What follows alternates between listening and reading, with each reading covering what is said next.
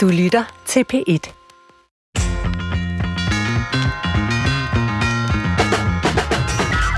Kultur er i vælten i disse år. Ikke bare som noget, der kan nydes på teatre og museer, men også som noget, der har med trivsel og endda helbredelse at gøre. Forskningen peger på, at øh, man kan få det bedre af at læse litteratur, gå til koncert, men også af at skabe kunst og kultur selv. For eksempel ved at skrive. I dag taler jeg med en psykiater og en patient, der har en helt speciel historie om det. Og de tror på, at deres metode kan gøre endnu flere raske. Så velkommen til Brinkmanns Brix i dag om psykiatri og litteratur. Til retlægger Christoffer Heide Højer, hvis nu du var indlagt på en psykiatrisk afdeling, hvad vil du så forvente, du vil modtage af behandling? Jamen sådan helt øh, klassisk, skulle jeg til at sige, så vil jeg tænke, at jeg vil få en masse øh, medicin. Og mm. måske nogle samtaler. Det er sådan, hvad jeg forestillede mig. Men nu har jeg faktisk været inde på et lukket af, en lukket afdeling med øh, skizofrene og psykotiske patienter. Og det, der slog mig, det var virkelig, hvor mange andre ting, der var derinde. Der var kugle dyner, der var øh, alle mulige former for spil, der var, man kunne gå til yoga, man kunne, der var sædler, man kunne skrive sig på til det ene og det andet, hvad man havde lyst til. Der var meget mere end det, jeg fordomsfuldt gik og troede, der var. Mm-hmm. Altså øh, kun medicin, ikke? Men øh, alle de her, nu siger jeg med gåsetegn, eller hvad det hedder, øh, alternative ting, er det noget, man ved, der virker, Svend? Eller er det sådan noget hul om hej, som en eller anden øh, sød pædagog har sned med ind? Det må nok tages sådan øh, enkeltvis. Du nævner mange forskellige ting, altså yoga og kugledyner og, og alt muligt. Og helt overordnet kan man jo sige, jamen i og med, at vi alle sammen, uanset om vi har en diagnose, uanset om vi er indlagt øh, eller ej, øh, øh, så har vi jo alle sammen almindelige menneskelige behov for, øh, for sådan noget, for, for velvære, for noget at give sig til, og for noget, der giver nydelse i hverdagen osv. Det har man selvfølgelig også som øh, psykiatrisk patient, så du vil jo ikke finde på at spørge, om sådan noget virker, øh, hvis man ikke er indlagt og ikke har en diagnose. Så det er lidt sjovt, man ligesom siger, jamen der må så være en eller anden evidens for, at det skal ind på de psykiatriske afdelinger, for at man synes, det kan være en del af behandlingen. Jamen det kan jo også bare være en del af et, et nogenlunde øh, liv, øh, som man selvfølgelig skal have lov at have øh, som patient. Men er, det, er der noget, er der nogle studier omkring det her, om for eksempel det, nu skal vi så snakke om at skrive i dag, Ja. det at skrive noget. Øhm, ved man, om det virker? Altså er der, altså nu bliver jeg ved med den her journalistiske spor, Jo, jo, og, jo. og fordi jeg vil have noget evidens på bordet, fordi ellers er der jo ingen grund til, at vi kaster skattekroner efter det, og så øh, og vi kan heller ikke komme efter nogen, hvis det så har vist sig, at nogen har nogle bivirkninger eller et eller andet. Øhm, ved man noget om, at man kan sige så, lad os sprede det ud til at kalde det kunst, kunstneriske, kreative øh, tiltag kan have en gavnlig effekt? man ved mere og mere. Altså, man har jo længe haft den her slags øh, praksiser øh, i psykiatrien øh, rundt omkring i verden. Og der er jo også øh, indlagte patienter, der, der selv har skrevet, og der er jo sådan en lang tradition for, for, for, for den type psykiatri-litteratur, hvis man kan kalde det det. Men, men nu øh, kommer der øh, mere og mere forskning, der anvender gængse videnskabelige metoder til at afprøve effekten af nogle af de her kulturelle, kunstneriske øh, processer. Der er både det at- læse, øh, biblioterapi, og der er det at skrive, Øhm, og der er det her, ja, spille musik og musikterapi. Alle mulige ting bliver nu øh, afprøvet, og jeg lavede sådan en hurtig søgning i de videnskabelige databaser som forberedelse til det her, og jeg vil sige, der er jo virkelig meget, så det er svært lige at få overblik over. Men det helt korte svar, som jeg i hvert fald lige kunne uddrage, er sådan nogle meta-analyser, som det hedder, altså hvor man sidder og kigger på, på mange studier, der ligesom bliver sammenfattet og prøver at uddrage en effekt, jamen så er det korte svar ja. Øh, det, det ser ud til, at øh, det virker. Men man må samtidig sige, i forhold til hvor mange studier, der laves af selvfølgelig effekten af medicin, og dernæst også af effekten af psykoterapi, så er der jo indtil videre ikke så mange rigtig gode videnskabelige studier på det her øh, felt. Så vi, vi håber på at blive, blive klogere på det i dag. Og det ved jeg, vi bliver, fordi Ja. at, øh, ene gæst har forsket i det. Men, men jeg kan godt lige tænke mig at spørge dig, hvad er det, enten du ved, eller du tror, der virker? For eksempel i at sætte sig ned og skrive. Det virker så uendelig banalt, og det er noget, vi lærer fra vi er ret små, og det er noget, vi har med os hele livet, men vi tænker nok ikke ret meget over, hvad det egentlig er for en handling, eller en, nogle evner, vi sætter på spil. Hvad tror du, det er, der kan have en, en god, sund effekt? Ja, det er altså, hvad man kalder et virkelig godt spørgsmål, og det er sådan noget, man svarer, når man ikke helt ved, hvad man skal svare ellers. Øh, altså, hvis jeg skal svare ud fra, hvad der så at sige, altså virker. Det, det er sådan lidt mærkeligt at tale om det som noget, der Du virker. stejler altid med at stille det spørgsmål. Det bliver så mekanisk, som om alt, hvad vi gør, det på en eller anden måde skal have den her sådan øh, årsag-virkningsagtig øh, effekt, ikke? Altså, og det, selvfølgelig, så, ja, det var dejligt, hvis det virker, men meget af det her er jo også bare livsytringer. Altså det at forstå verden æstetisk, det at gøre sig æstetiske erfaringer, det at udtrykke sig øh, skriftligt eller øh, kunstnerisk på anden vis, øh, det, det, det er jo en måde at være i verden på, som øh, jeg synes er større end noget, vi bare kan reducere til, jamen er der en symptomreduktion, som er signifikant øh, bedre, end hvis man ikke sidder og, hvad ved jeg, fører dagbog eller, eller skriver litteratur. Men jeg ved godt, det der overbeviser politikere, øh, fonde, alle dem, der skal finansiere øh, en bedre psykiatri, en mere menneskelig psykiatri, de rykker kun, hvis man kan vise, at der er evidens, at der er en påviselig effekt. Så derfor er det selvfølgelig uhyre vigtigt, at vi, vi, vi går den vej. Apropos det der, du siger nu, det, det, altså sproget omkring, virker det? Ja. Synes du også, det smitter af for meget af den samtale, vi har omkring for eksempel psykiatrien? For nu sidder jeg så taler med dig om det, og det har vi gjort et utal af gange. Ja. Og jeg lander altid på spørgsmålet, virker det? Er det smittet af fra en eller anden evidensjagt, der findes øh, både ja, hos øh, økonomer, politikere, fonde, whatever? Altså man kan sige, evidensjagten kommer faktisk fra lægevidenskaben selv tilbage i 70'erne. Der var en læge, der hed Cochrane, som satte sig for at finde ud af, er der egentlig evidens for alle de her øh, lægefaglige tiltag, vi, vi har både i, i den somatiske medicin og, og siden i psykiatrien. Og det, det er jo en meget fornuftig øh, tilgang. Det er jo fornuftige spørgsmål at stille. Det er jo dumt at gøre en hel masse ting, som måske ovenikøbet koster mange penge, hvis det ikke hjælper de patienter, som har brug for at blive hjulpet. Så jeg, jeg synes bestemt ikke, det er et dårligt spørgsmål at stille. Jeg synes bare nogle gange, det bliver sådan lidt reduktivt, hvis man kun stiller dem og glemmer at forholde sig til, jamen der er jo alle mulige andre dimensioner af det at være menneske, som blandt andet handler om at udtrykke sig kunstnerisk og forstå verden æstetisk og gøre sig nogle erfaringer på den måde, som måske kan have værdi, også selvom det ikke lige lader sig måle på en øh, symptomreduktionstjekliste eller noget i den stil.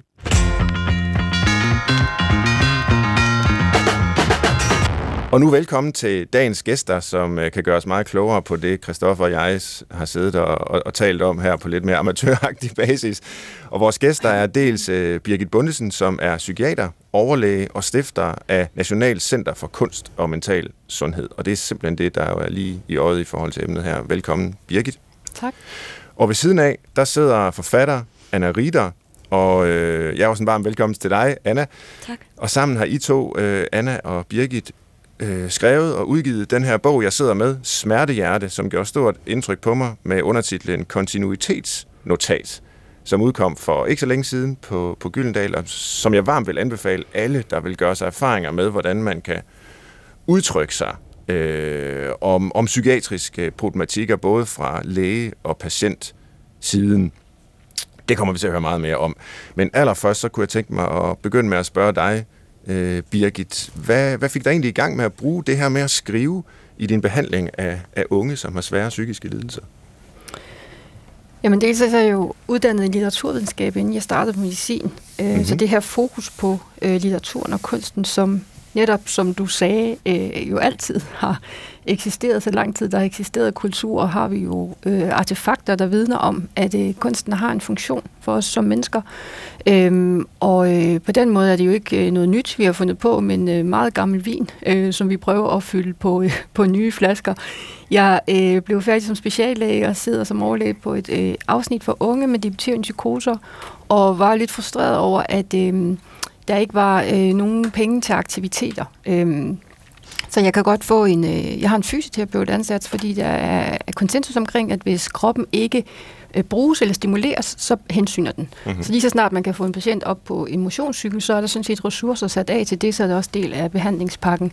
Men mit argument er, at hvis man ikke bruger sindet, så øh, atrofierer det jo også, så hensyner det jo også, og det kan være en uhensigtsmæssig bivirkning ved selve det at være indlagt, at man mister evnen til at tænke og indgå i sociale sammenhænge, øhm, øh, være kreativ udtryk, noget af det, der sker inde i en, og have et fællesskab øh, rundt omkring det.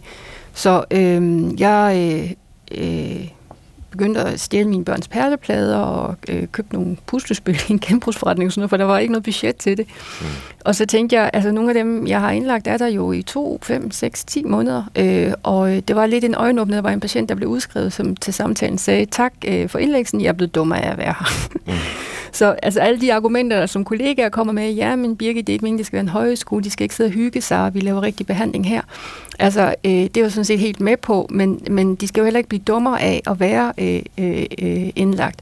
Så jeg kendte nogle forfattere, og så fik vi nogle penge fra Kunstfonden, og så prøvede vi at gøre det her, fordi at det, jeg, jeg, jeg tænkte, at det var en meningsfuld og meget struktureret måde egentlig at arbejde med skrift på, som jo er en særlig måde at øh, hvad kan man sige, sådan eksternalisere det, der sker mm. inde i en. Det rent sådan kliniske problem kan være, at når man sidder inde i lægens kontor, som jo er øh, struktureret omkring hele den magt øh, og øh, øh, institutionalisering, som der ligger inde i psykiatrien eller klinikken som sted, så er der rigtig mange, der ikke har lyst til at tale med mig. Mm. Og det viser jo også, at psykiatrien er et anderledes lægespeciale på den måde, at vi ikke har et, øh, et biologisk objekt. Altså det er ikke, diagnosesystemet er jo ikke natural kind, ligesom en bakterie eller en brækket knogle.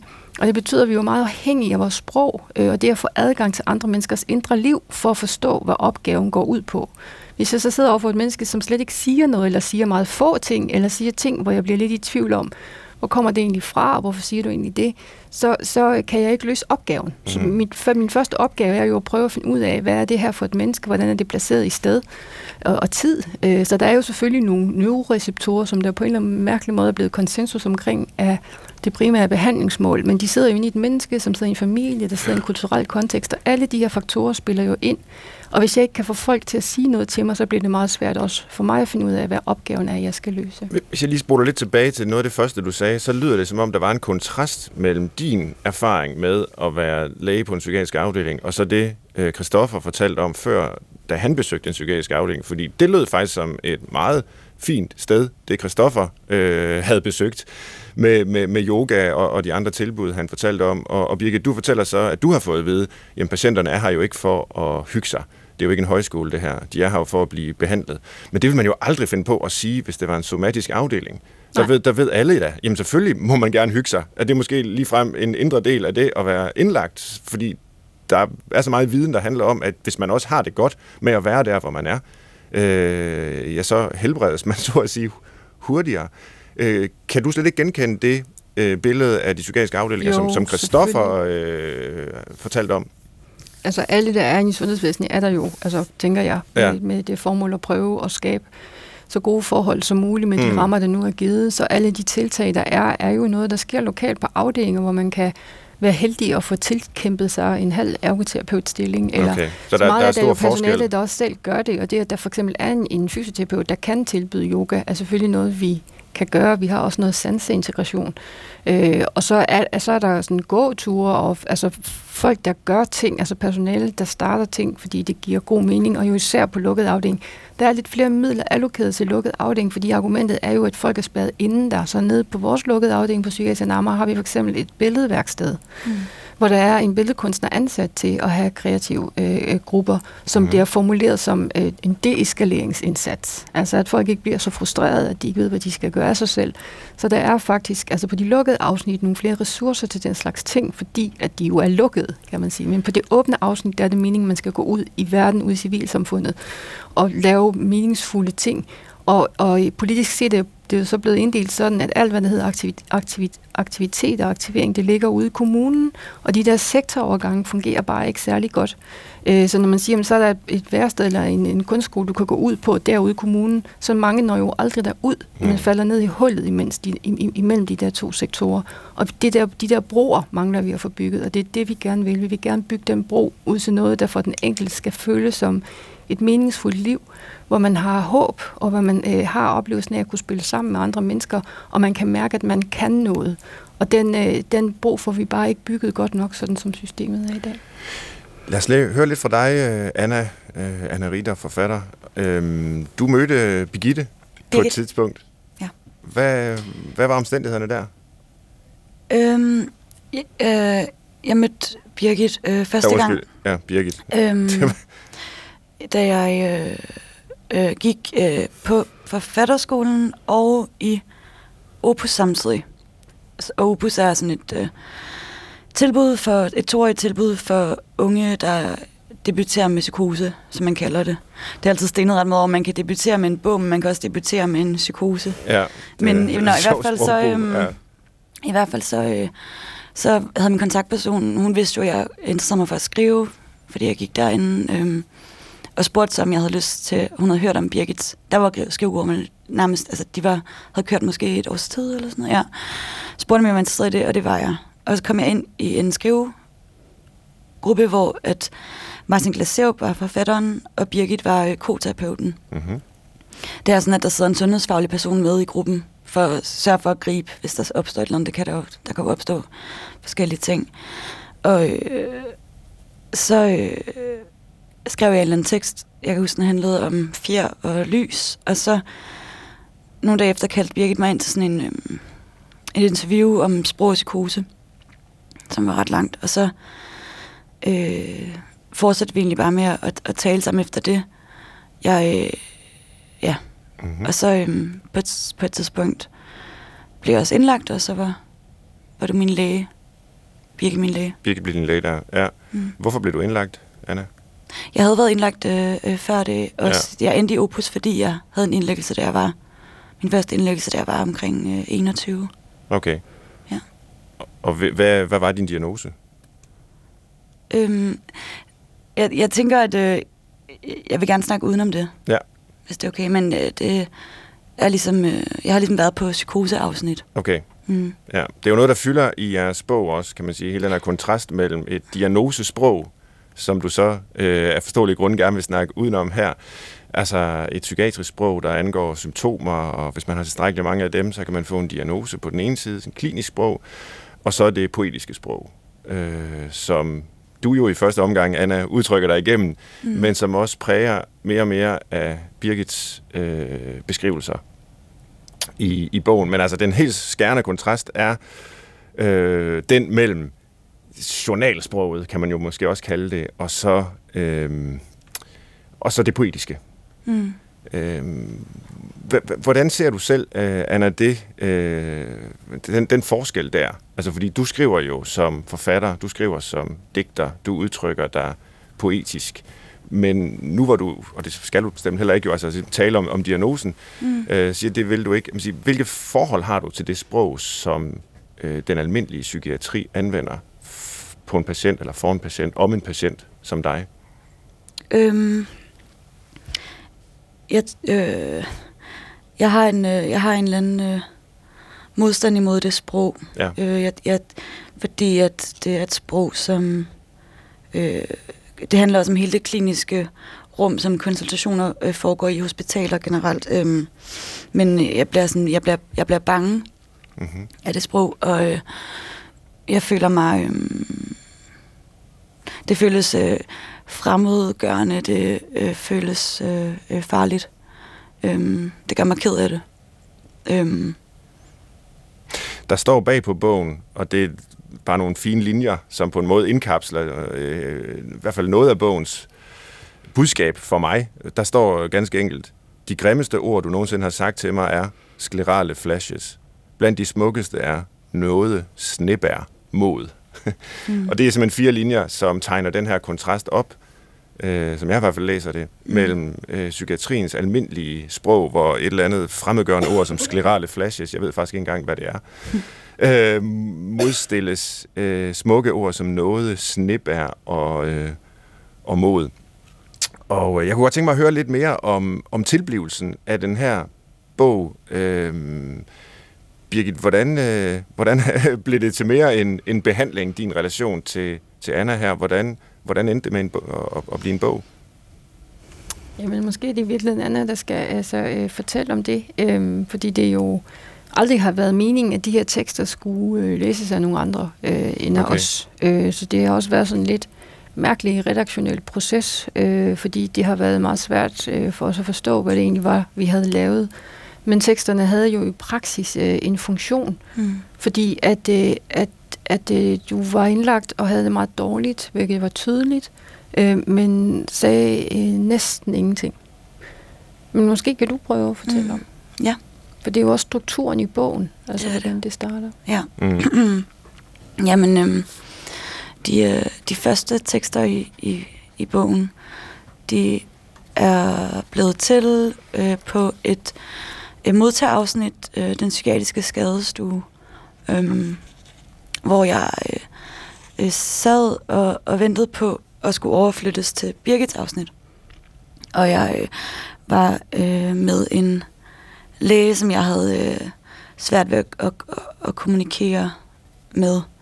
Øh, jeg følte, jeg synes både selv, det var svært at udtrykke mig. Jeg følte mig ikke øh, forstået, og jeg synes generelt, det er en, en vild ting. Det her. Altså, jeg ved godt, det er ligesom en præmis, men jeg tror, mange synes, det er en vild ting at skulle være fortrolig over for nogen, man måske ikke har tillid til, eller lige har, altså fremmede mennesker. Mm. Øhm, så jeg øhm, gør det, jeg altid gør, jeg er begyndt sådan at, at skrive, øhm, både hvad der foregik, øh, hvad jeg havde en fornemmelse af, foregik i mig, men også øh, omkring mig.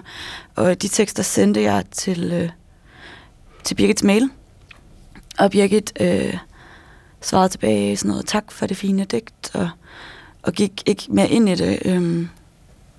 og så efter min udskrivelse engang, så viste du mig så, Birgit, at øh, du havde ligesom svaret tilbage øh, i tekster selv. Øh, ja, så det var der, det, det var sådan, det opstod. Men I havde ikke sådan en fortløbende dialog frem og tilbage, øh, der så endte med at blive udgivet som bogen her, eller hvad? Det lyder som om, at Birgit jo, altså, havde holdt det lidt for sig selv, eller hvordan Jamen det, det, ja, imens under indlæggelsen, ja. så så jeg det ikke.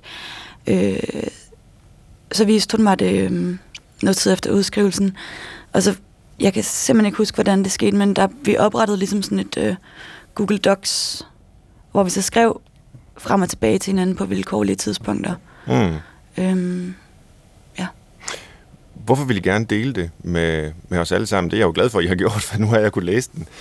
Men, øh, men øh, I siger, at det oprindeligt ikke var, var tænkt på den måde. Det er lidt ironisk, at altså, alle den er jo blevet anmeldt rigtig mange steder, og mange øh, anmelder har været sådan etisk fortørnet over den her læge, som nu igen begår overgreb øh, på patienten. Øh, og øh, der er nogle spændende spørgsmål omkring autonomi. Hvornår har andre mennesker autonomi? Hvornår har man ret til at tage beslutninger på andre vegne? Øh, lægen kan jo være paternalistisk nogle gange at tage beslutninger, øh, som folk ikke er enige i. Men øh, altså, lige her i det her tilfælde har det jo været sådan lidt omvendt, at jeg føler mig lidt hævet ind øh, ved håret øh, i det her projekt.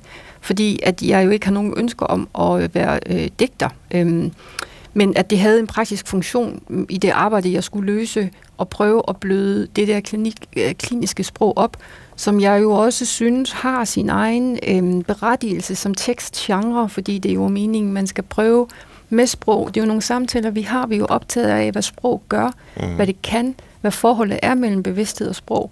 Og lægejournalen er jo en, øh, et kommunikationsredskab, som man også kan bruge til at pege på ting i verden med. Så det er jo sådan noget, vi er optaget af. Hvad, hvad, altså et sprog kan pege på ting i verden, og så findes de på godt og ondt. Så altså engle findes, og en lever findes, og sklerale flashes findes. Der er ord for det, og når vi har ordene, kan vi pege på det. Det er jo udviklet øh, journalsproget for at kunne pege på ting, så man kan tale om ting og prøve at finde løsninger for folk. Og jo mere præcis jeg kan være i min psykopatologiske beskrivelse af det, der sker inde i og rundt om en patient, jo bedre øh, tænker jeg, at jeg kan prøve at hjælpe rette vedkommende ved at finde ud af, hvad er det for en løsning, vi skal finde for dig. Mm. Det er jo en men, sproglig handling og en, en forhandlingssituation. Altså. Men Birgit, din tilbageholdenhed over for at faktisk være med til at udgive bogen, da, da Gyldendal henvendte sig om en kontrakt, handlede den om, at du frygtede, at den vil blive modtaget lidt, som jeg så kan høre, den faktisk er, af nogen anmelder i hvert fald. Altså som at uh, nu, nu er det lægen, der ligesom ja, overskrider de etiske grænser. helt var jeg bange for, at jeg ikke ville have et job, når jeg kom tilbage. Er det rigtigt? Øh, så, ja, øh, så der gjorde jeg, jeg sendte, jeg sendte manuskriptet til min visdirektør, og så spurgte jeg, hej, har jeg et job, der kom tilbage? Okay. og så sagde hun, du skrev, det er så fint. Ja. Øhm, og så havde vi altså, samtaler med Gyldendal jo også i forhold til de etiske dilemmaer, der er inde i det her projekt. Og jeg havde faktisk altså, forberedt mig på, at øh, de etiske anfægtelser ville komme fra lægerne. Men det er jo faktisk øh, anmelderne, som har været ret hæftige. Øh, det har jeg svært ved at forstå, ja, øh, det, må jeg altså indrømme hvordan man kan blive anfægtet af det her, som er et kollaborativt dokument fra en læge og en patient, der siger, prøv at se, sådan her kan det også forstås. Men Svend, jo netop det, du nævnte i starten med, at, kunst, altså, at, at, når kunst, altså, at kunstens øh, funktion eller væren i verden gør jo, at den bliver noget andet end den levende, le, levede erfaring. Og det er jo noget, som Aristoteles allerede peger på i sin poetik, som egentlig som en kritik eller en dialog med Platons idé om kunsten som aftryk af en diskurs, at når kunsten den findes, så er der en æstetisk distance, der gør, at det her værk, det har en æstetisk berettigelse som værk. Så vi sender det ud i verden som værk, ja. og vi har gjort det sammen. Mm. Og de er blevet læst meget som lægens skrift og poetens skrift. Ikke også? Mm. Og Annas er poetisk, og lægen er kikset. Øh, og, og det er jo et fælles værk, vi har sendt afsted sammen, og det, der har været anfægtelser omkring, er, at der er nogle... Øh, magtforhold. Vagt magtforhold, men mm. også nogle altså litterære, som jo er litterære beskrivelser, der ligner journaler. Mm. Øh, som bliver tolket som, at, øh, at, at Annas personlige materiale bliver hængt ud. Men vi ser det jo meget som to figurer. Der er Anna, og der er Birgit i godseøjne, som skriver sammen og som prøver at undersøge, hvad sprog kan i verden. Det kliniske sprog, det poetiske sprog, og kan der opstå et møde derimellem? Måske kan det slet ikke lade sig gøre, det svarer bogen sådan set ikke på. Nej. Men vi har jo afleveret det sammen som et fælles projekt, og der er blevet læst meget ind i det, som at det er et magtovergreb for psykiateren, og, altså, øh, og vi prøver jo egentlig at undersøge, hvad det er, de forskellige sproglige diskurser kan, og om de overhovedet er muligt at mødes, eller åbne et rum for en anden form for samtale. Jeg tænker også, at det er, det er okay med magtkritik. Det skal jo være velkomment, men det som vi i mange år har været optaget af og har samtaler omkring, det er jo, hvordan man ændrer verden. Og øhm, det kan man gøre indenfra eller udefra. Og lige nu har vi jo besluttet os for at øh, forsøge ikke at, at brænde det hele ned. Jeg, mm. jeg, jeg, jeg, jeg, jeg, jeg er bange for, hvad der sker, hvis man bare øhm, brænder psykiatrien ned. Jeg tænker, jeg har altid tænkt det der med at have det meget sådan øhm, antipsykiatrisk. Det, øhm, jeg tænker, man, man bliver blind over for, at der er nogle mennesker, som er ret afhængige af det system, der, der jo allerede findes. Øhm, der er nogen, der ikke har andre steder at gå hen. Øhm, det skal klart blive bedre. Mm. Altså lidt ligesom, at jeg synes, det er privilegeret at, at sige, at man ikke øh, kan tage, ikke vil tage medicin, øh, hvis man ikke har brug for det. Der er nogen, der har. Eller ja. giver det mening? Absolut, og jeg læser på ingen måde jeres bog som sådan et antipsykiatrisk øh, kampskrift, men i langt højere grad som en, altså en poetisk undersøgelse af, hvordan noget også kan se ud. Mm. Altså, og, og det er også derfor, jeg er svært ved at forstå de her, her kritiske anmeldere, som slår ned på, på det, vi, vi hørte om før. Men Anna, hvis jeg spørger dig, og det er måske for stort og for sådan effektjagende et spørgsmål, men lidt ligesom Christoffer udfrittede mig indledningsvis, kan du, kan du fortælle, hvordan det at skrive har hjulpet dig? Er, mm. er det mhm. muligt at svare på det? Ja, det kan jeg godt. Altså, jeg, øh, jeg, jeg, jeg, jeg, jeg er meget enig med dig omkring det her med at, øh, for eksempel at skrive, at det ligesom er en, en helt særlig måde at, at være i verden, og som jo, altså, jeg tror, øh, folk, der skriver, øh, er i verden på den måde hele Altså, man, man skriver hele tiden, også når det sådan er ordløst.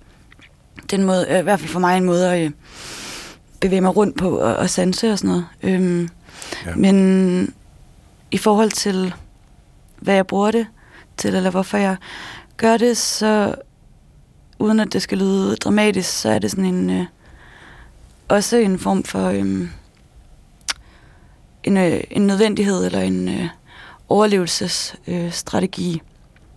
Øh, øh, ikke, ikke at man så nødvendigvis, eller jeg nødvendigvis altid skal forholde mig til ting, der er svære og tunge, men det kan også være en, en overlevelsesstrategi at fremskrive alt det skønne og smukke, man ser i verden, øh, hvis det giver mening. Mm. Det er sådan en måde, at, altså især, jeg synes især poesi, fordi at øh, med, med sådan...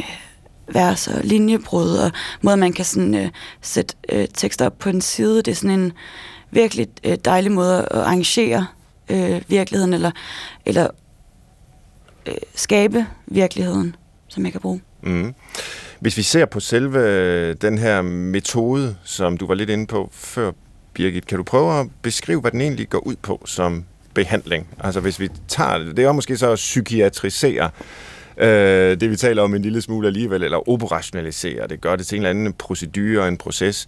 Men jeg godt lige sige noget hurtigt, undskyld. Ja, men I forhold til det, der var, det var noget, det du sagde i starten. Ja. Det her med, jeg, jeg tænker ikke, at det er sådan et stort problem, at ting skal virke. Jeg tænker, at det er ret afgørende, når man er øh, patient i psykiatrien, at ting øh, virker. Der er nogle ting, man gerne vil... Øh, slippe for, eller have, have, lære at håndtere, eller have forbedret sig. Jeg tænker det her med at snakke om, om litteraturens virkning i psykiatrien, det, det synes jeg ikke er sådan nødvendigvis reducerende. Nej.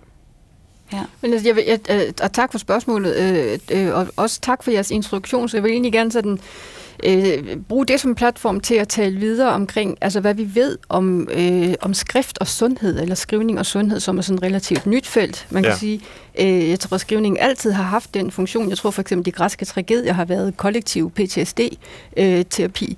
Øh, mm-hmm. øhm, men øh, så nogle, vi er jo optaget af sådan nogle psykologiske, fenomenologiske teorier omkring, at sprog bevidsthed opstår samtidigt. Øh, og, øh, og for eksempel en figur, altså en psykolog, der hed Vygotsky, som, som studerede spædbørn og sprogs opståen, øh, har sådan en idé om, at talen er noget, der opstår inde i børn, og på et tidspunkt begynder de at tale ud i aften, altså autistisk tale. Og på et tidspunkt så internaliserer de den her autistiske tale, som bliver ved med at køre som sådan en strøm øh, inde i en. Skriften kan jo så være en form for eksternalisering af noget, der sker inde i en. Og hvis man ikke er trænet i det, altså i at mestre skrift, så kan det måske være sværere. Plus at det, vi kalder psykopatologi inde i klinikken, nogle gange bor et sted inde i subjektet, som øh, måske slet ikke er øh, noget, man kan forme til sprog, men jeg tror også, der er en zone af sprog, som man kan verbalisere eller eksternalisere. Så det skønlitterære sprog har jo den fordel, at det er fri af normative regler. Mm. Øh, så vi sidder ikke og realitetstester folk. Vi mødes om at skrive. Vi fokuserer på det æstetiske. Vi er fokuseret på at lære folk at skrive æstetisk og få et sprog omkring det. Når noget så er et æstetisk objekt, så har det jo den her æstetiske distance, der gør, at man kan kigge på det, man kan lege med det, man kan undersøge det. Vi ser det meget som øh, det psykologen Winnicott øh, kaldte for øh, overgangsobjekter, altså egentlig objekter, der findes ude i verden, som man bruger til at komme ud i verden med, øh, som har legetøjets karakter. Man kan undersøge det, man kan være nysgerrig omkring det, og så er det en meget vigtig funktion, at man kan dele det sammen med andre. Det, betyder, det behøver sikkert være fuldstændig entydigt klart for, for andre mennesker, hvad der sker. Der kan godt være private logikker i skønlitterære værker, det interesserer vi os sådan set ikke for, og vi sidder heller kan finde ud af, var det nu også sådan, du oplevede det, eller var det din mor, der gjorde dette øh, på dette tidspunkt? Men vi ser på det, hvordan teksterne fungerer, så teksten har et jeg, som er noget andet end det erfarne jeg. Mm. Så vi prøver at skille meget det æstetiske jeg fra det erfarne jeg.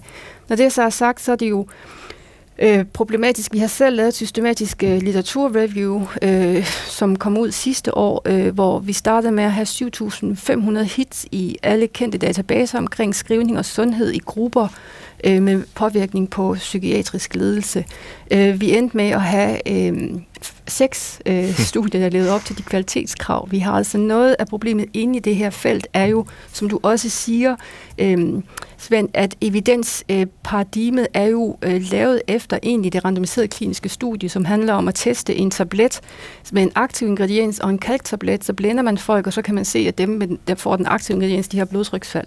Når man skal lave randomiserede kliniske studie på noget så komplekst som dynamiske størrelser inde i mennesker, er det svært, men jo ikke umuligt. Mm. Så hele opgaven inde i forskningsprojektet handler jo om at prøve at isolere den aktive ingrediens. Hvad tror vi, det er, vi gør i de her grupper, når vi lærer folk at skrive æstetisk, mestre æstetisk formsprog? Øh, hvad er det, vi ikke kan tage væk, uden at det er, at vi mister, vi mister de meget, meget positive øh, e-, øh, effekter, vi har. Vi har jo haft over 200 igennem øh, skrivegrupper øh, efterhånden. Og vi tænker de det, at, der, at det er et kunstrum, det er en kunstworkshop, ja. som er trygt nok, altså vi, at vi kan etablere et holding environment, der gør, at folk de tør være modige og gøre ja. mere, end de plejer at gøre. Som du beskrev det der, der lyder det jo ikke som om, det adskiller sig så frygtelig meget fra, hvis man nu tog et kursus i sådan, øh, kreativ skrivning mm. på Nej, aftenskolen. Altså, det lyder ikke som om, I instruerer deltagerne i at sige, nu skal I sidde og skrive for at få det bedre. Nej, nej, nej, nej. Vel? Så det er ikke det, det er simpelthen det, det, er det æstetiske. Det er det æstetiske, ja. og formen er meget ligesom, som man underviser egentlig på forfatterskolen ja. eller kreative skriveskoler. Altså, men med den lille forskel, at der er en deltagende koterapeut, hvis der sker noget. Ja. Og det gør der jo. Altså folk er jo i behandling. De får jo tilbud det som et, øh, et adjuverende tilbud, altså et, øh, et, et, øh, et add-on tilbud til deres skængse behandling. Vi går selvfølgelig ikke ud og siger, at folk skal lade være med at tage deres medicin eller følge deres behandling, men vi tror, det er et meningsfuldt værdifuldt supplement til at arbejde med nogle af alle de eksistentielle faktorer, der er rundt omkring det, og have en, øh, en psykisk ledelse og mestre livet på godt og ondt, og så det selvfølgelig at deltage i den energi, en kreativ workshop og det fællesskab, der kan være rundt omkring det, og lære at blive bedre til noget. Så det med at få aktiveret sig, så på den måde er det også vigtigt, det ikke er læseklubber, man producerer noget, det kommer igennem ja. det kinestetiske apparat, man producerer noget, man er i gruppen i kraft af ens deltagelse, så der er sådan en værdighed omkring det at mødes, ikke som patienter med diagnoser,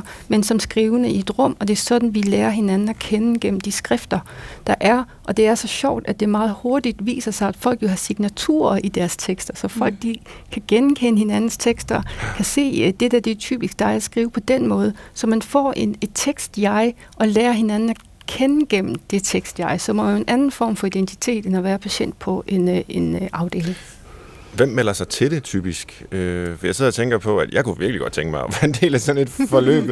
øh, men jeg kan også forestille mig, mange, jeg kender, der ikke vil have lyst til det. Altså helt u- uagtet om de er indlagt eller ej. Ja. Men hvor man siger, uh, det, det er for, oh, det kan jeg da ikke. Men det er da glad for, at du siger, for sjovt nok, så det er altid lærerne, som bliver helt forskrækket og paniske og siger, det vil vi ikke, det kan vi ikke. Det, ja, okay. nej, jeg er ikke sådan en, der er kreativ, det kan jeg slet ikke. Nej, nej. Så der er jo et stort udviklingspotentiale i det, også som sundhedsfaglig, at prøve at være i sådan et mellemlængsligt rum, hvor man sagtens kan mødes om alle mulige øhm, personlige situationer, uden at det bliver privat. Så det med at finde en måde at være en sundhedsfaglig professionel i et deltagende fællesskab, hvor vi er der på lige fod som de andre. Altså, så jeg skal jo også sidde der på glat is og skrive tekster, der er skrevet på 10 minutter, hmm. og have en professionel forfatter til at sidde og kigge på det. Vores undervisere er jo... Øhm, etablerede forfattere med et, et meget undervisningserfaring. Altså, vi har Pablo Lambias, Trisse Geil, Martin Glacier, og nu den yngre generation, øh, Fine Gråbøl, øh, Anna og øh, Sebastian Nathan, Rasmus Dagbjerg. Altså folk, som har et etableret litterært værk, og de er der nemlig ikke som terapeuter. De mm. er der som kunstfaglige. Og det er den autoritet, de sætter i rummet. Det er, hej, vi mødes her, fordi vi øh, skal lære at skrive sammen, så den autoritet ligesom er i rummet, og så er der en bagvæg, ligesom af en sundhedsfaglig øh, understøttelse, hvis det er, at folk får krise, fordi folk får det tilbudt som del af deres behandling. Ja. Så det kræver, man øh, for at svare på det spørgsmål, så kræver det, at man er, er, går i psykiatrisk behandling. Så hvis du ja. er behandlingsven, Brinkmann, så ja. kan du godt få lov at komme med. ja, det, det er godt at vide. Uh, Anna, du, du har jo så din egen gruppe, hører vi fra, fra Birgit, som du du, jeg ved ikke, man kalder det leder, eller du er blevet ansat. underviser i, eller ja. Hvordan er det at, at arbejde på den måde fra, fra lærersiden, om jeg så må sige? Øhm, det er, øh, har været meget øh, bekræftende i forhold til, at jeg... Øh, øh, jeg, jeg, har jo godt, jeg har jo selv øh, deltaget i mange øh, grupper som, som deltager, og der godt kunne mærke, og sådan helt, øh, altså registrere sådan, hvordan øh, min kognitive evner blev bedre, og øhm, altså mm. efter øh, flere år, ikke? Altså, det, det, tager, det er så lang, det tog lang tid, men øhm, jeg, vidste, jeg kunne mærke på min egen krop, at det var, øh, det, var, det, var, det var godt for mig at gå i de her grupper, men det er som om, at når man også øh, kan få lov at se ting lidt udefra, så forstår man også nogle gange lidt bedre. Så det der med at have en anden funktion, har gjort, at jeg har øh, set nogle andre ting, eller jeg er i hvert fald blevet bekræftet i, at, øh, at det er et vigtigt projekt. Hvad, hvad skriver folk typisk om, Anna, i, i en gruppe? Og det er helt vildt forskelligt. Man, altså, ja. den øh, gruppe, øh, jamen, det, det er meget... Øh, det er vigtigt. Jeg ved ikke, jeg kan sige, at der er noget, der, der typisk sker. Noget, jeg har stenet over, det er, at... Øh, nogle af dem, jeg har tænkt, altså jeg, det, som, som, som forfatter i en gruppe, så ved man jo heller ikke, man kender jo ikke folks journaler. Det gør øh, øh, koterapeuten heller ikke kun det, som øh, deltageren har valgt at fortælle til sådan en forinterview. Og forfatteren får ikke noget øh, at vide omkring øh, folks diagnoser og sådan noget, også for at gøre rummet, øh, altså fjerne det ansvar. Mm. Men øh, nogle af dem, jeg har sådan tænkt, okay, du er... Øh, du har det ikke godt. Det er også nogle af dem, som øh, insisterer på at skrive om øh, hundevalp, øh, eller en eller anden øh, gynge, man sad på i sin barndom. Eller der er selvfølgelig også nogen, øh, der tager noget, altså der, der laver noget, hvor man, man alle i gruppen har en fornemmelse af, at det, okay, det her det stammer, det er sådan noget autobiografisk materiale. Men det, ja, det er vidt forskelligt. Der er også nogen, der, der, er nogen, der skriver øh, raps og rimer, og der er nogen, altså det, øh, der, der sker alt, simpelthen alt muligt i det der rum. Det er meget dejligt.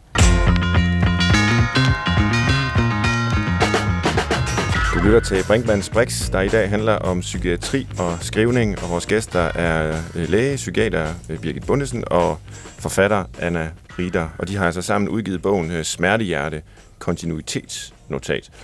Og øh, Christoffer Heide Højer tilrettelægger, du øh, lytter jo som øh, sædvanlig med, og hvad siger du til øh, hele snakken her om skriftlighed og psykiatri?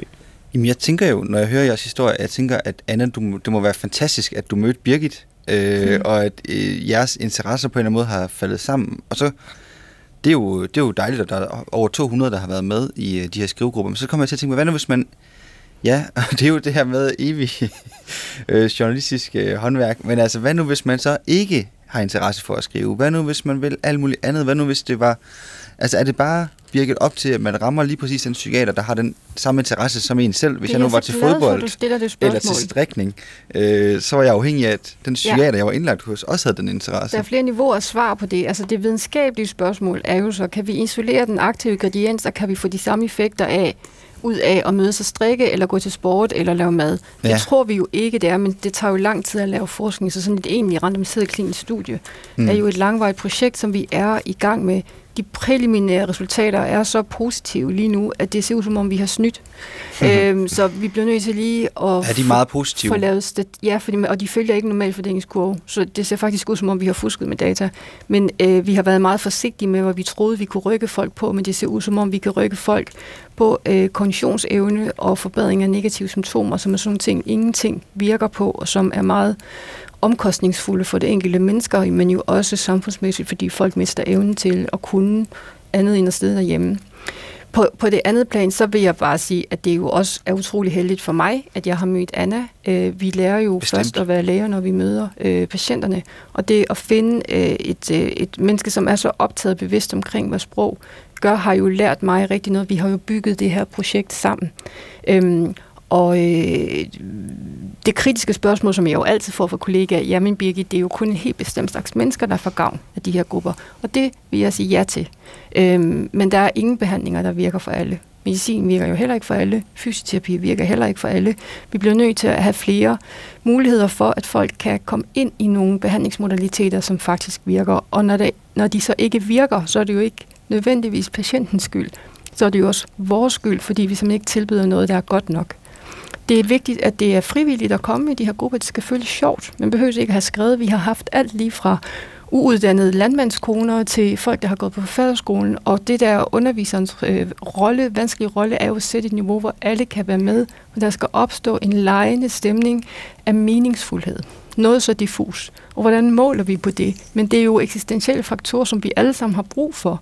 Og kunne, altså det, som også viser sig i din gruppe, Anna, er jo Mm. at det betyder utrolig meget for folk, og kunne være noget for de andre. Mm. At man også kan støtte de andres tekster, være opbyggende, øh, kommentere og behandle teksterne med værdighed. Mm. Det er Mm. sådan set det, der er nogen, der siger. Vi laver jo meget detaljerede, øh, fenomenologiske, strukturerede interviews seks måneder efter folk har deltaget, hvor der vi fanger nogle af de her ting, hvad det sker i helt enkelte, hvad det betyder for vedkommende. Og mange af dem kommer jo i job bagefter og finder de første øhm, trin, altså den selvtillid, måske kan jeg godt finde ud af at være sammen med andre mennesker, og måske er der håb for mig også, som gør, at de måske søger videre. Så det med at etablere de der trin ud i noget, der skal føles som et meningsliv, meningsfuldt liv, som jo netop, som du siger, Brink, ikke er anderledes, hvis man har en psykiatrisk øh, diagnose, som er noget, vi alle sammen har brug for. Men man kan miste det, hvis det er, at man får en diagnose og ender med at sidde derhjemme og kigge på sit køleskab i 10 år. Altså så det der samspil, der er omkring kunsten, når den er et workshoprum, tænker vi, at det som er øh, det, det aktive. Så nej, det er ikke for alle, men det er der jo ingen behandlinger, der er.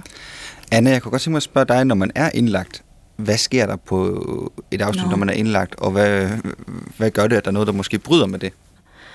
så er min oplevelse også, at der ikke øh, sker særlig meget.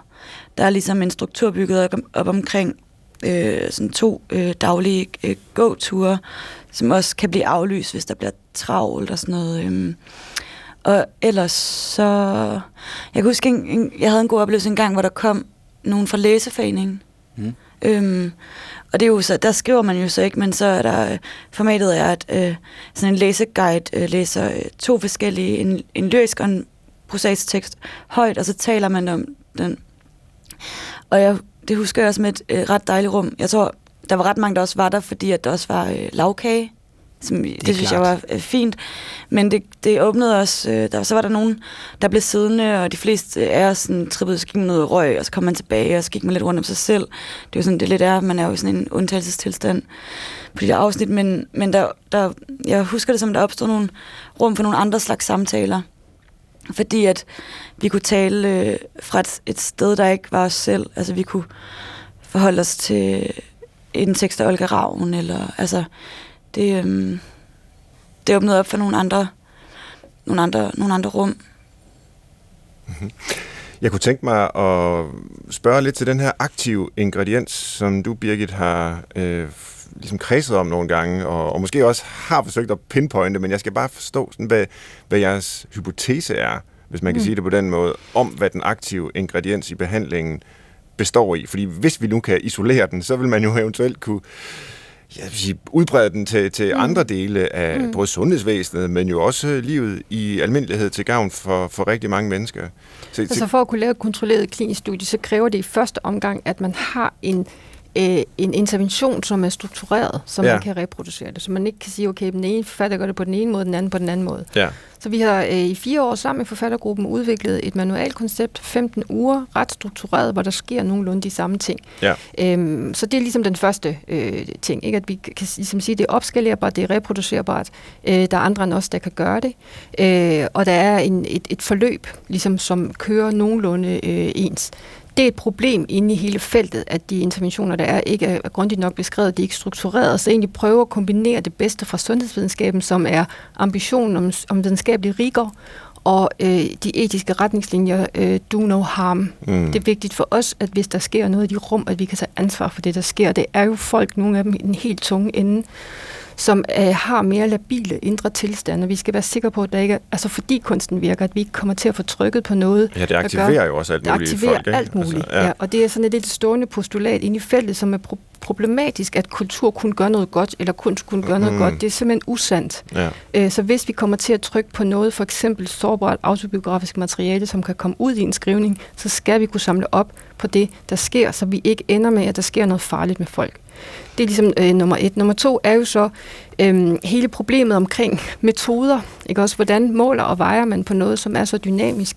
Og der har vi både brug for det bedste fra den kvalitative forskning og det bedste fra den kvantitative forskning, og vi prøver at lave det, vi kalder sådan et mixed method design, ja. hvor vi har nogle kvantificerbare variable, vi skal kunne se på et stort statistisk signifikant materiale, at vi kan rykke folk fra A til Z øh, på nogle validerede øh, øh, psykometriske mål, og så har vi de der feminologiske strukturerede interviews, som jo nogle gange giver et helt andet indblik i det partikulære, den oplevelse, der er hos sine enkelte, hvor vi kan se, at der er nogle temaer, som i hvert fald er gennemgående, som faktisk øh, reproducerer sig på, på tværs af den her efterhånden sådan ret store population. Og det er jo installation af håb, følelsen af, af forbundethed med andre, positiv identitetsfølelse, meningsfuldhed med livet og selvtillid. Mm. Altså noget så basalt, men mm. som vi jo så skal have korreleret til øh, egentlig øh, fald af symptompres, men også det lidt uventede, at der er flere, der spontant siger, at jeg tænker bedre, jeg kan bedre koncentrere mig, så vi er ret selvsikre omkring, at vi faktisk også kan rykke folk på kognitiv skala. Mm. Ja. Så, så, altså, så, så, og man kan sige, at det tager jo lang tid at producere videnskab, et stort randomiseret ja, klinisk studie og metaanalyse, det tager jo en årrække, men vi prøver at lægge de første sten til, til overhovedet at få udviklet nogle evalueringsmetoder, som er egnet til og måle og veje på det, vi tror. Når man sidder i grupperne, vi var ret usikre i starten, da vi startede. Altså når man sidder i de der grupper, så sker der noget, som er meget virkeligt. Det er meget intenst, og det er meget virkeligt, når man sidder i rummet. Så jeg er sådan lidt, hvis vi ikke kan måle og veje på noget, så er det fordi, vi måler og vejer forkert. Ja. Så, så må vi blive ved, indtil det på en eller anden måde viser sig, fordi det er meget vigtigt for folk, der sidder der. Og derfor er det vigtigt, at alle vores forskere også sidder med i grupperne. Alle har prøvet at være igennem det her forløb, fordi det er noget med at, at, at, at fornemme altså, den atmosfære, den resonans, der er i de der rum, som øh, er meget vigtigt for os, der er der.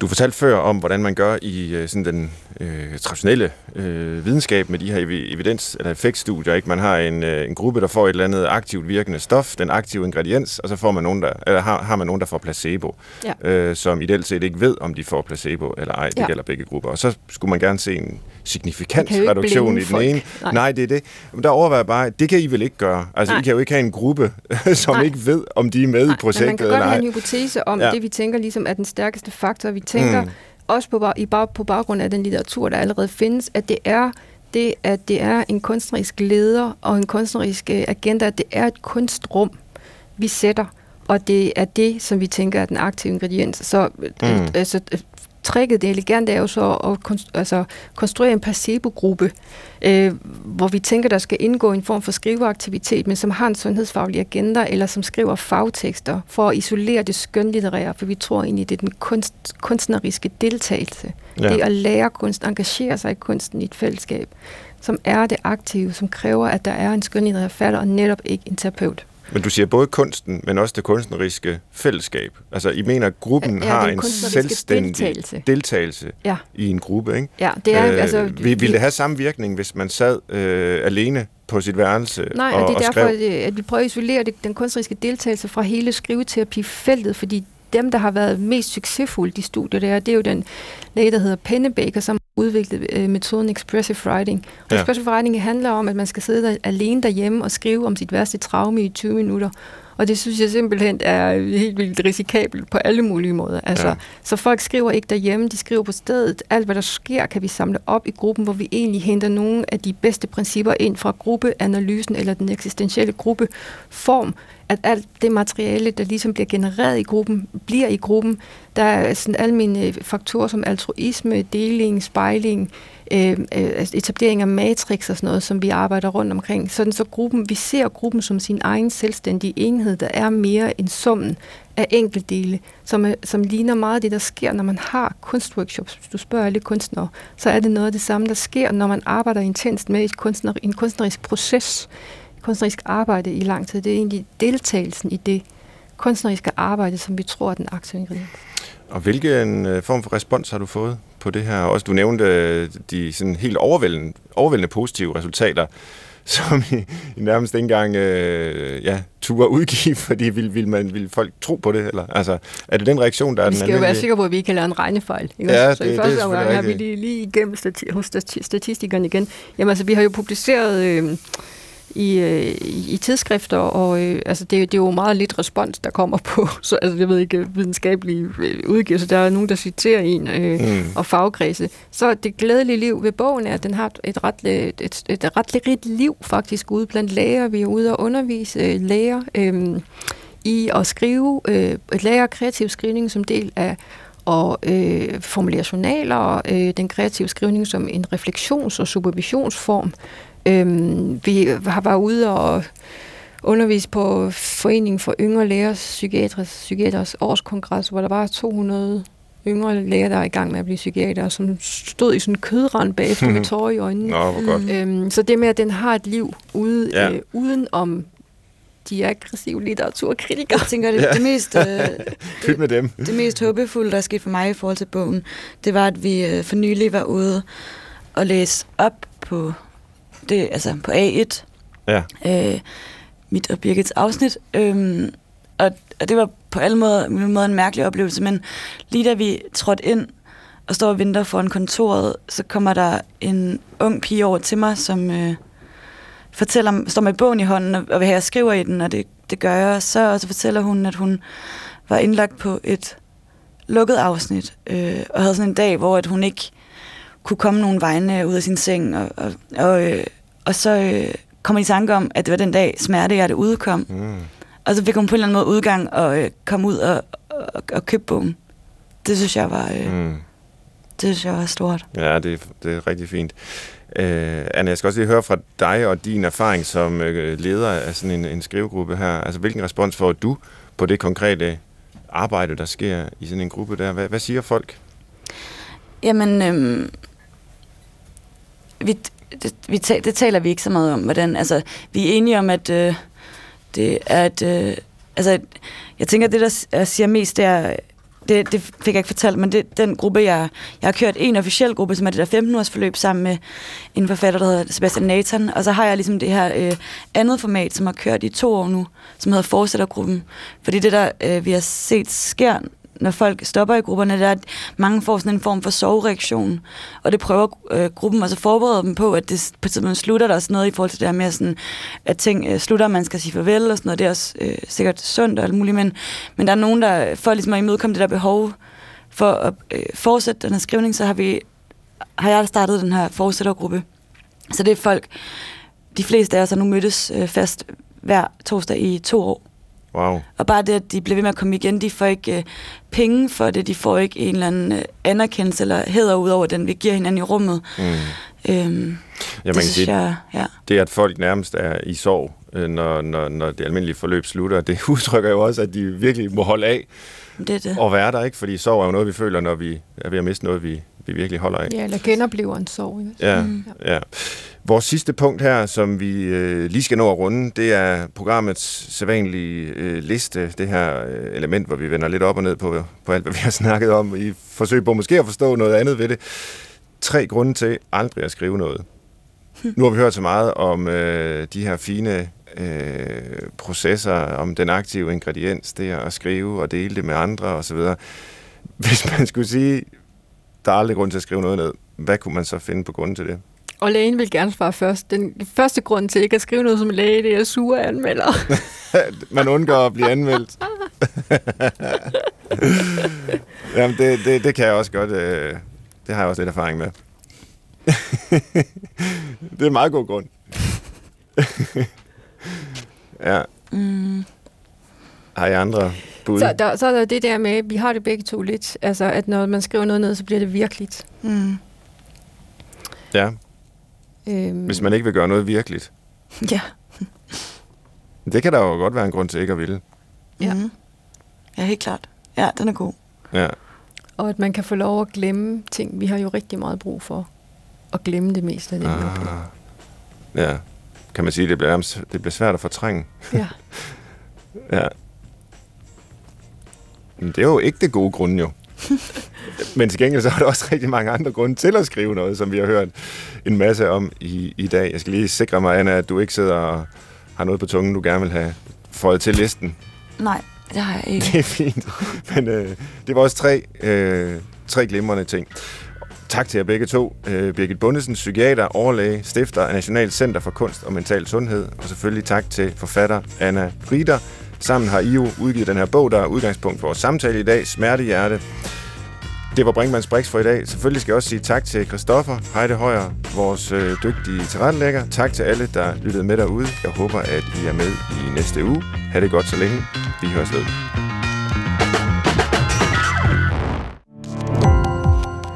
Gå på opdagelse i alle DR's podcast og radioprogrammer. I appen DR Lyd.